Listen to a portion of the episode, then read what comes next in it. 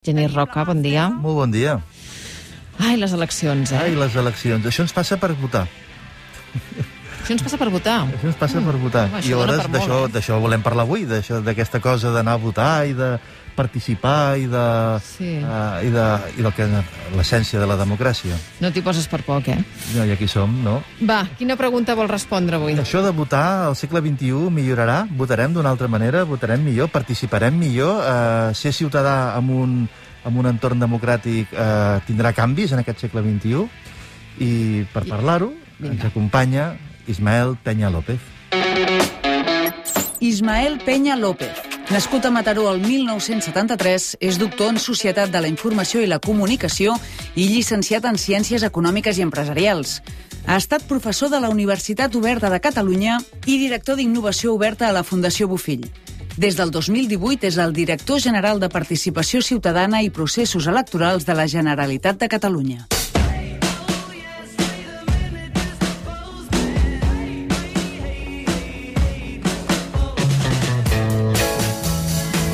Ismael Peña López, molt bon dia. Molt bon dia. Ben tornat al matí de Catalunya Ràdio, molt més tranquil, no?, després de tota la tempesta Home. pre-14F. Força, força més tranquil.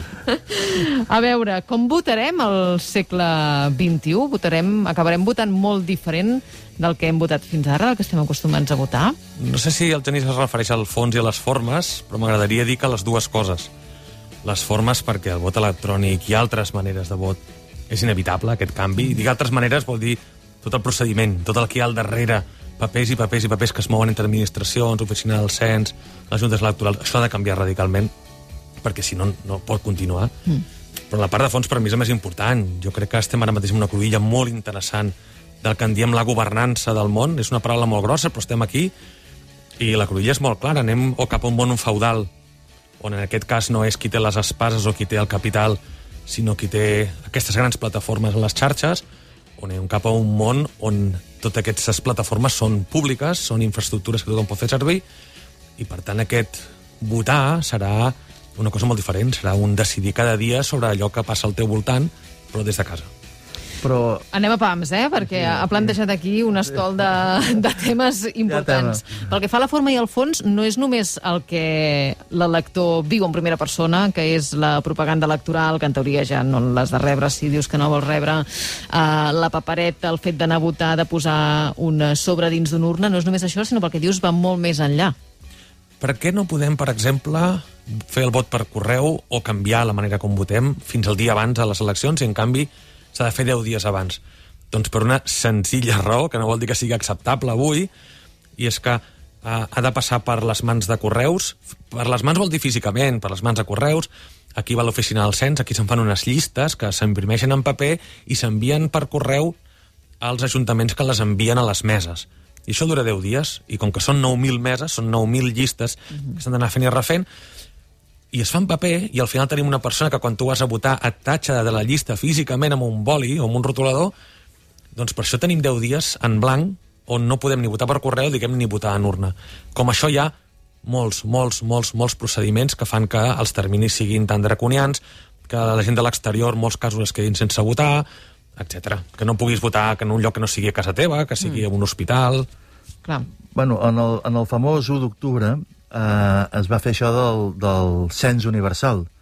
Tu vés a votar a la mesa que vulguis, que al final la llista eh, és una sola, i tu vés on et vagi millor. No cal que vagis a votar a Sabadell si aquell dia estàs a Figueres, eh, i no cal que, aquell, que modifiquis tota la teva logística pel tema d'exercir el dret al vot. Això va ser una innovació d'aquell 1 d'octubre que semblava, a mi em va semblar interessant, a recuperar per qualsevol procés electoral i aniria en aquesta línia del que deies tu ara, no? Tu vota com vulguis, però vota, però, perquè hi ha una llista. Però abans has fet un altre comentari que, que has vingut a dir de no cal votar un cop cada 4 anys, sinó tenir mecanismes de participació més àgils i que, per tant, permetin fer-nos consultes més sovint. Uh, uh, I deies, estar contínuament participant de la presa de decisions, però Uh, uh, però per això tinc un representant, no? Perquè no m'atabalin a mi cada dia. Eh, Ben, ben vist. jo, llavors, a quin paper juga el representant si jo voto cada dia? Si nosaltres votem cada dia ja no calen diputats? Com funciona això? Molt bé. Uh, votar, el que fa el representant, o el que hauria de fer, no és només prendre una decisió. El dilluns, quan arriba al despatx, diu avui facis això. Llavors algú agafa una partida pressupostària i se la gasta. Això és el que a vegades pensem que fa el representant. El representant el que fa o hauria de fer és primer diagnosticar la situació, és a dir, tenim un problema o tenim un anel, a vegades també són coses bones. Aquesta, d'aquesta diagnosi que en fa, mira quines opcions hi ha sobre la taula, i els doncs que sobre la taula mira quins valors té la societat o el seu propi programa electoral, en fa una negociació i aquí a partir d'aquí decideix. Llavors sí que votem o executem. Perquè això no quedi en, en, en una cosa molt, molt, Abstracte. molt abstracta. El problema que tenim avui amb, els, amb l'habitatge és el problema dels desnonaments, és el problema dels impagaments de les hipoteques i els lloguers, és el problema de la gentrificació, és el problema del turisme, és el problema d'Airbnb, és el problema de l'especulació de l'especulació financera. Tot això és el mateix problema, és el problema de la vivenda, però jo l'he dit de moltes maneres diferents. En aquest diagnosticar, en aquest posar-li nom, és on sobretot la participació és molt important. Per Ens tant, nota moltíssim aquí. per tant eh, ja si ho entenc bé, eh, separaríem el és participació deliberativa del que és participació a la presa de decisions. Jo crec que el Podria haver-hi moment... processos de participació per copsar l'opinió i després els que, els que han estat triats que prenguin les decisions que tenen que prendre. Jo crec que la democràcia directa, el fet de marxa tu que ja m'hi poso jo, hauria de ser excepcional en casos on pot haver-hi un bloqueig molt clar o senzillament les opcions són tan oposades que el que hem de fer en aquest cas és una regla de majoria. Però jo crec que la, la, la riquesa de la, de la participació és precisament això, la deliberació, veure què en penso jo, què en penses tu, què en sé jo d'aquesta qüestió. Tenim molts cunyats, però també tenim molt, molts experts a la societat. experts que, a més, no tenen carnet ni d'expert ni del partit. Per tant, jo crec que és en aquesta concurrència de la ciutadania on és molt interessant el participar. I el vot electrònic, si ve precedit d'això, molt benvingut. Si el vot electrònic és només per surt tu, que ja m'hi poso jo, aquí podem perillar. Com de lluny o de prop estem de, de veure aplicar el, el vot electrònic a unes eleccions eh, municipals, unes eleccions al Parlament, unes eleccions al Congrés dels Diputats?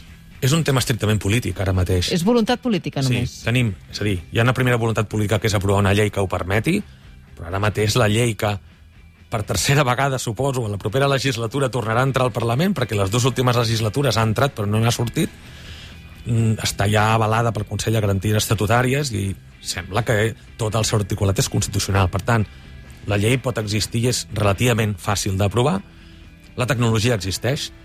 A més, tenim diferents tecnologies que ens permeten el vot electrònic, amb diferents combinacions, i estan molt, molt avalades per experiència internacional, per pèrits, etc. Per tant, no és un problema de tecnologia. És un problema sobretot de costum, però el problema de costum de nou és un problema polític. Si els polítics no ajuden a que hi hagi aquest costum, com per exemple celebrant la setmana passada les eleccions a les cambres agràries, no ens en sortirem. És un, no és un problema de tecnologia, dius? Per tant, no és un problema de seguretat?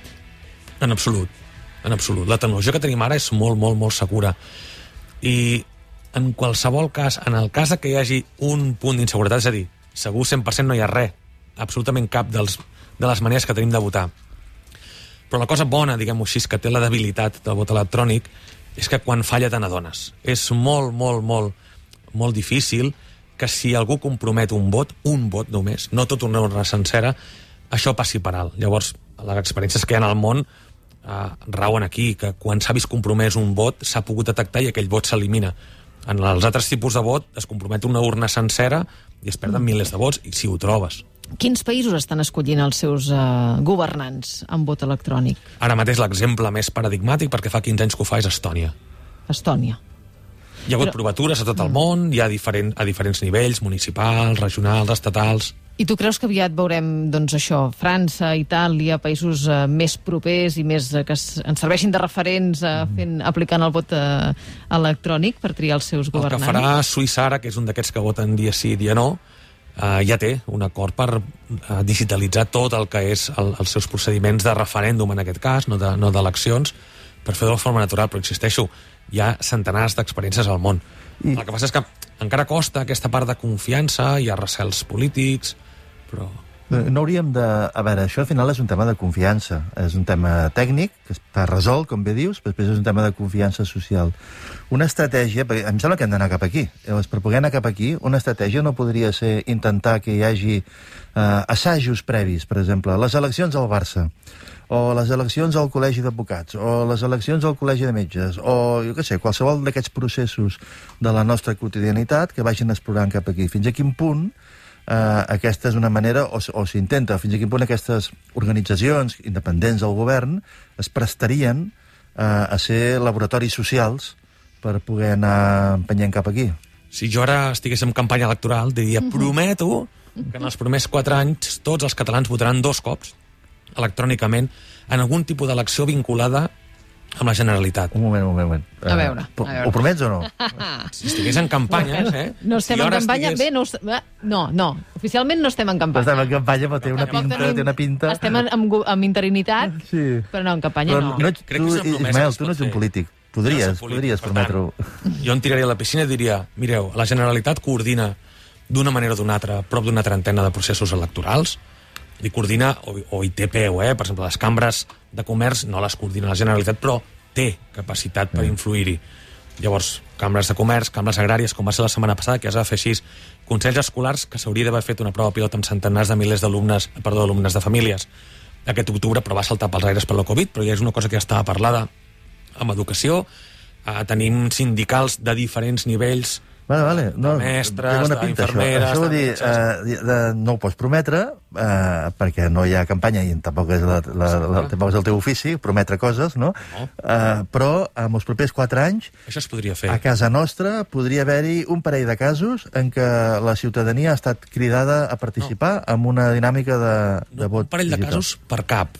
Per és a cap. dir, és a dir Per cap. animar... Hi ha unes que són Sí, sí, responsabilitat de la Generalitat, Està doblant l'aposta. però no, i tant, perquè eh, podríem aconseguir doncs, que algunes associacions, algunes cooperatives, alguns clubs de futbol, que per desgràcia no van aprovar en els seus estatuts aquesta primera passada, però ho haguessin pogut fer, Pues- pues- eleccions a rector... Posats a imaginar coses fantàstiques, eh, de- de- d'un món eh, On tot funcionés... surrealista. i- Ara imagina que tinguéssim una legislatura que dura 4 anys.